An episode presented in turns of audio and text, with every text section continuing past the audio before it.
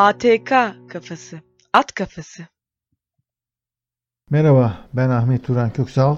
At Kafası podcast'inin yeni bölümünde beraberiz. Aslında bir haftada bir bir podcast giriyordum. Bir podcast programı yapıyordum. Sizle beraber oluyordum ama biraz uzadı. 15 gün kadar bir ara vermek zorunda kaldım. Da 15 gün de değil, 20 güne yaklaşıyor. Sebebi tabii ki bu virüs. Ayrıca ben İstanbul'dan San Francisco'nun güneyine geldim. Şu anda Amerika Birleşik Devletleri'ndeyim. 6 Mart gibi burada oldum ve o zamandan bu zamana da hiçbir şey yapamıyorum. Evet tıkılı kaldım. Türkiye'de kalsam mıydım bilmiyorum. Son anda girdim. Benden sonra kapılar kapandı gibi oldu. Yani velhasıl kelam burada e, daha da karışık. E, burada shelter in place denen bir e, politika benimsendi. Buna göre böyle bir yarı eve tıkılma. İşte sokağa çıkma yasağı var. Sokakta bir grup kuramıyorsunuz. Bir grupla böyle 10 kişi 20 kişi beraber olduğunuz zaman polis gelip ne ayak diye sorabiliyor. Yani niye böyle bir şey yapıyorsunuz? Niye berabersiniz diye sorabiliyor. Zaten yağmurluydu. Ben de evdeydim. Yapacak çok iş birikmişti. Bilgisayar başında. Tabii çok da film seyrettim. Herkes gibi. Şimdi bugünkü programımızın konusu virüs. Şimdi virüs nedir, bakteri nedir, virüs neden çoğalır onun üzerine duracağız. Birkaç felsefi ve ruhani soruyla karşınızda olacağım. Sonra arkasından fenomenal bilinçe, nörofizyoloji tarafından bakarak fizikalizm nedir, onun karşındaki, evrendeki her şeyin karşında ne vardır gibi çok derin konulara de, değinip arkasından daha farklı biraz daha matrak şeylere bakmaya niyetim var. Her programı böyle tek bir kelimeyle yapıyorum. Bu virüs hikayesinde de size kalkıp elinizi yıkayın. Efendim herkesten birkaç metre uzak durun. Maske kullan ya da kullanmayın gibi zaten binlerce kez dinlediğiniz, okuduğunuz, yazdığınız şeyleri tekrarlayacak değilim. Enformatik açıdan bilginin sunulması artık ne kadar dezenformasyon olsa dahi bile kolay. Bu tür yaklaşımlara girmeyeceğim. Yani bana ne bir, ikincisi hatalı bilgi verebilirim. Üç zaten 50 bin kez tekrarlandı. Virüs nedir ona bakalım. Virüs nanometreden de ufak, çok ufak bir iplikçiğin ayakları var. Bu ayaklar hücreye yapışıyorlar hücre zarına. Kafasında RNA ya da DNA iplikçiği var. Hücrenin içine girip DNA dizilimini bozuyor. Virüsün bakteriden çok çok çok daha ufak olduğunu ki bu koronavirüs biraz şişko, büyük çene bir virüs. Diğer virüs yani daha daha ufak olanı da var. Bunun gibi büyük olanı var. Virüsler ışık ışıkla gözükem görünemiyorlar. Elektron mikroskobuyla görünebiliyorlar. Boyutu, şekli, şemali çok önemli değil yani. Virüs canlı bir organizma değil aslında. Canlıyla cansız ayırmanın en güzel yolu işte önünüze duran bir kaya varsa bu kaya cansız ama bitki canlı, hayvan canlı, insan canlı. Canlı ile cansız arasındaki fark nedir? Yani canlı ile cansız nasıl fark edilir? İşte virüs bu tam ortada kalıp bu canlı ile cansız arasındaki garip kısmı bir şekilde yok ediyor. Yani bir ara form olarak önümüze çıkıyor. Virüs kristalleşiyor. Eğer bir eğer bir canlıya bağlanmadıysa bir konak konak hücresi yoksa kristalleşiyor ve birkaç kez kristalden yine çalışır duruma geçebiliyor. Peki virüsün bir bilinci var mı? Yani virüs neden yapışıyor ve kafasındaki yani virüsün kafa tarafındaki RNA, DNA dizin mutasyona uğramış dizilimi kalkıp hücreye aktarıyor? Niye? Nedir amacı yani? Canlı bile değil yani. Yani biz hani yaşamak, insan yaşamak için var olur. İnsanın amacı yaşamaktır. Hayvanları kesip yiyoruz. Veganlar buna kızıyor. Bitkiye de üretip yiyoruz. Zaten eğer biz tüm dünya vegan olsaydı şu anda sığır popülasyonun neredeyse %99'u olmayacaktı. Yani nasıl hayvanat bahçelerinde, sirklerde fil varsa, kaplan varsa inek de öyle olacaktı belki. İnek, öküz bunları yetiştirmeyecekti. Zaten dünyada buğday ve bakliyat üretimi dünyanın dengesini bozacak kadar yüksek. O kadar yüksek ki su kaynaklarını, temiz su kaynaklarını bu tahıl, bu biyodizelin de bulunmasıyla bu tür bitkisel ekimler çok çok çok daha fazlalaştı. Yani bunun ne kadar büyük problem olduğunu çeşitli belgesellerde görüyorsunuz. Eğer hayvanları kesip yemeseydik bitki tarafına bu kadar yoğunlaşacaktık. Yani modern dünyanın 8 milyara yakın nüfusunun doyurulabilmesi büyük mesele. Dünya nüfusu 11 milyarın üstüne çıkmayacağı öngörülüyor. Ama 11 milyar çok büyük mesele ve Tabii tüketim çok artıyor. Üretim de arttığından ötürü. Şimdi bu virüsten sonra sosyal bilimciler kafayı yiyecek herhalde yani. Hani Dünya Savaşı'ndan sonra hatta Körfez Savaşı'ndan sonra bu sosyal medya internet devriminden sonra dahi bile ellerine bu kadar büyük malzeme gelmemişti. Şimdi her şey dağıldı. Yani global dünyanın ve tabii kapitalizmin bu yöndeki bir patlaması olduğunu da ortaya koyacaklar. Ben önce davranayım dedim. Sizinle beraberiz işte. İnternet ve bu virüs meselesinin dağılma şekli şemaili aynı düzeyde seyrediyor. Hani şu üstsel artış var ya exponential. Bu tür artış nasıl virüste kendini gösteriyorsa virüsle ilgili enformasyonun sosyal medyanın da yarar faydasıyla yani internet sayesinde acayip bir informatik dağılıma sebep olduğu da doğru. Yani herkes virüs hakkında bir şey biliyor. Bu herkesin daha fazla paylaşımda bulunmasına sebep oluyor. Daha fazla paylaşım daha çok paranoya yaklaştırıyor. Bazıları hala hiç ilgilenmiyorlar.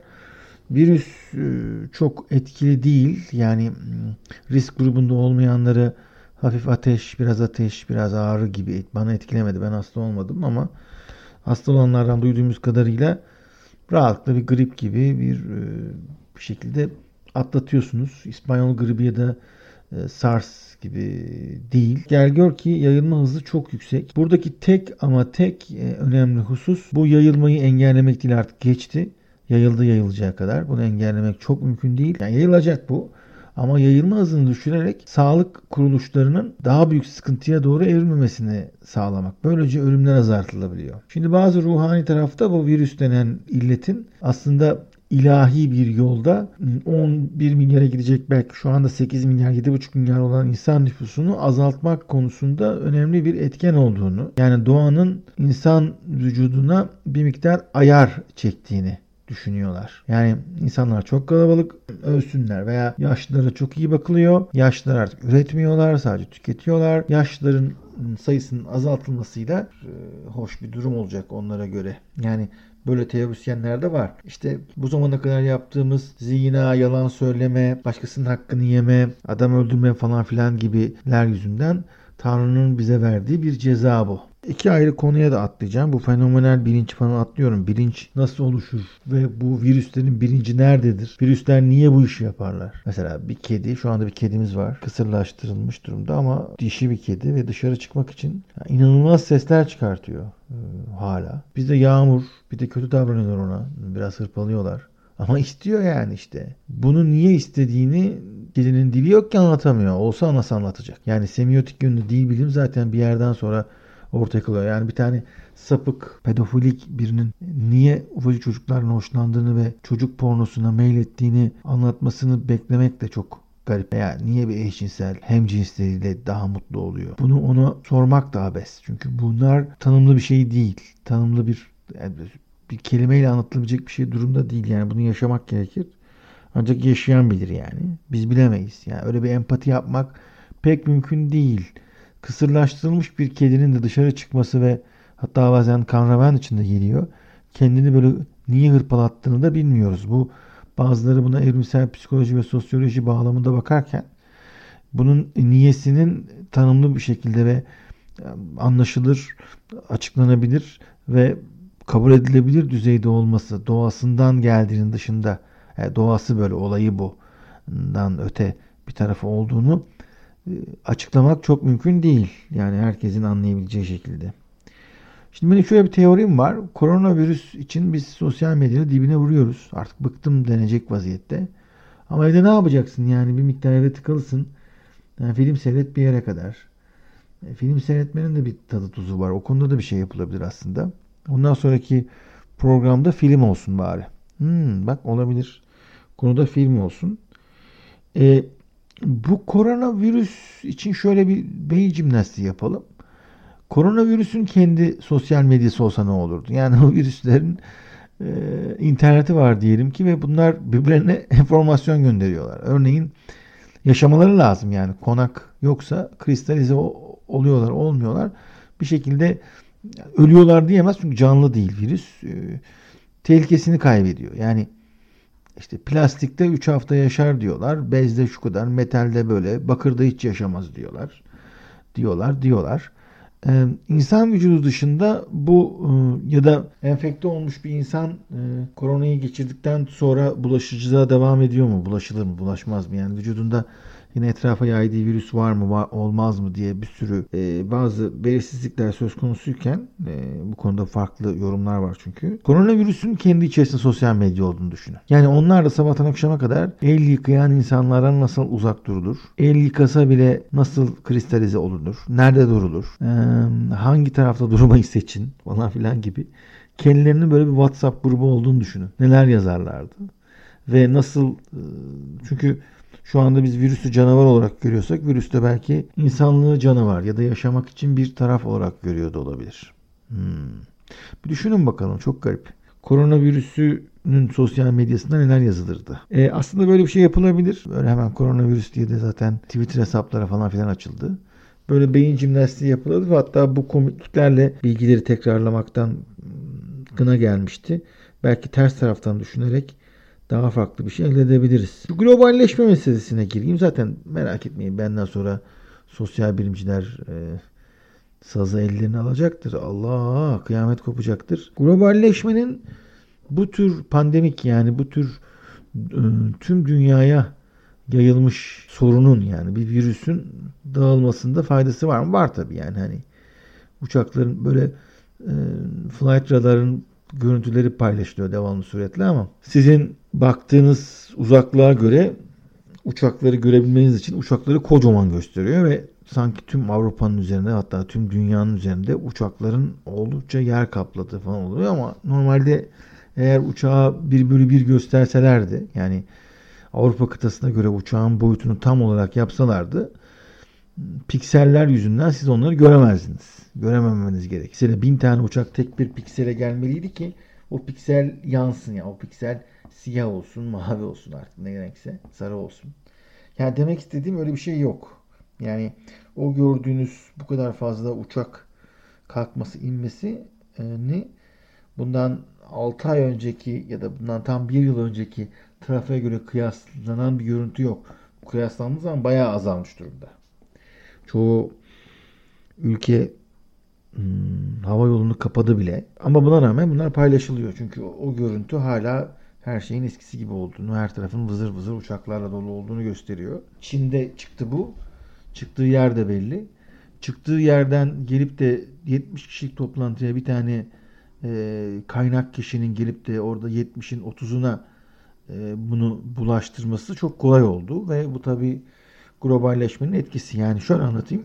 20 yıl önce, 30 yıl önce bu kadar çok e, Çinli Amerika'ya gelmiyordu. Başka yerlere gitmiyorlardı. Ticaret sayesinde tabii kişilerin gidip gelmesi çok farklılaştı ama dünyada evden çalışmanın yani bir yere gidip de delilerce toplantı yapmanın artık bir anlamının kalmadığı zamanlar da var. Ama sonuçta iş dönüyor dolaşıyor. Ee, yani Google artık tamamıyla evden çalışabilir mi bilmiyorum yani ona bakmak lazım. Eğer çalışabilirse yapay zeka ile çalışan bir dünya şirketiyle karşılaşabiliriz. Sadece numaradan belli olan isimleri de olmayan çalışanlar olabilir. Hangi şirketin ne kadar çalışan olup olmadığını, bunun ekonomiye ne kadar katkısı olduğu veya insan yaşamasına nasıl yatırım yapılacağı da tartışılabilir. Yani yapay zekanın bir robot olup da işte şu Terminator'da olduğu gibi bütün silahları ele geçirip tüm dünyayı yok edeceği, robotların insan e, medeniyetini ele geçireceği değil. Globalleşince ve herkes evden çalışınca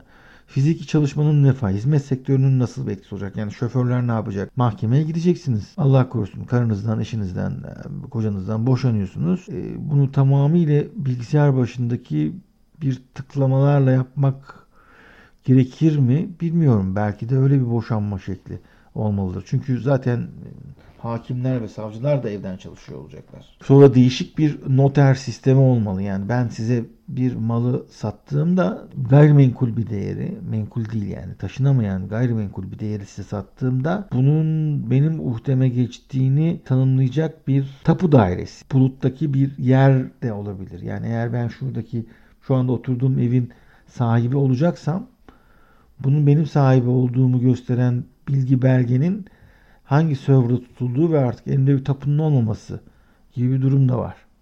Yani uzaktan çalışma sistemi tüm sosyal yaşantıyla beraber nüfusu da etkileyebilir. Bu durumda yapay zekanın hayata girmesi oldukça önemli. Peki hizmet sektörü bu kadar azalırsa, adliyeler olmazsa, noterler olmazsa veya Google'ın artık bir binası olmazsa bunlar sadece Netflix'in ya da Google'ın Amerika'nın tam ortasındaki bir çölde acayip elektrik tüketen inanılmaz büyük bir e, fabrikanın e, hayatınızda hiç görmediğiniz, görmeyeceğiniz bir yerde sadece bilgisayarlara bilgisayarların bakımı yaptığı, e, kendi enerjisini güneşten elde edebilen bağımsız cloud service'ların bulunduğu bir durumda düşünelim. O zaman ne yiyeceğiz ne içeceğiz? Mesela bu virüs şunu gösterdi ki eğer ben iki ay daha böyle evde oturursam parasız kalıyorum.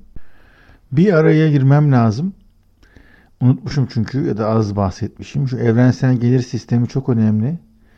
Ee, bunu Immanuel e, yaklaşık 4 ya da 5 ayrı programda Immanuel Tolstoyevski e, kendi podcastinde devamlı bahsetti. Bu evrensel gelir sistemi virüsle çok daha önemli bir hale geldi. Yani evde oturacaksak ne yiyeceğiz ne içeceğiz ve bize kim maaş verecek? Acaba her vatandaşa 1000 dolar, 2000 dolar, 3000 dolar yani zengin hükümetler ve tabii nüfus sayıları da belli, nüfusları da belli. Ona göre bunu kaldırabilecek bir ekonomik durum yaratabilecekler mi? Ekonomiyi nasıl, hizmet sektörünü nasıl canlı hale getireceğiz? Sadece yiyerek içerek mi?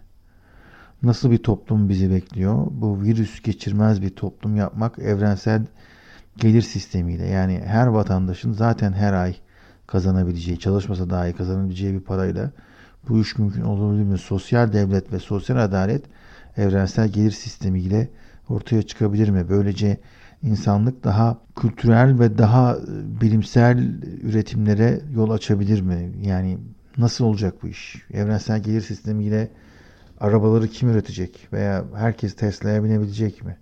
Herkesin hibrit araca ya da ne bileyim artık e, güvenliği geliştirmiş araca binmesi veya ulaşması mümkün olacak mı? Ya da artık hiçbirimiz yolculuk yapmayacak mıyız? Turizm ne hale gelecek?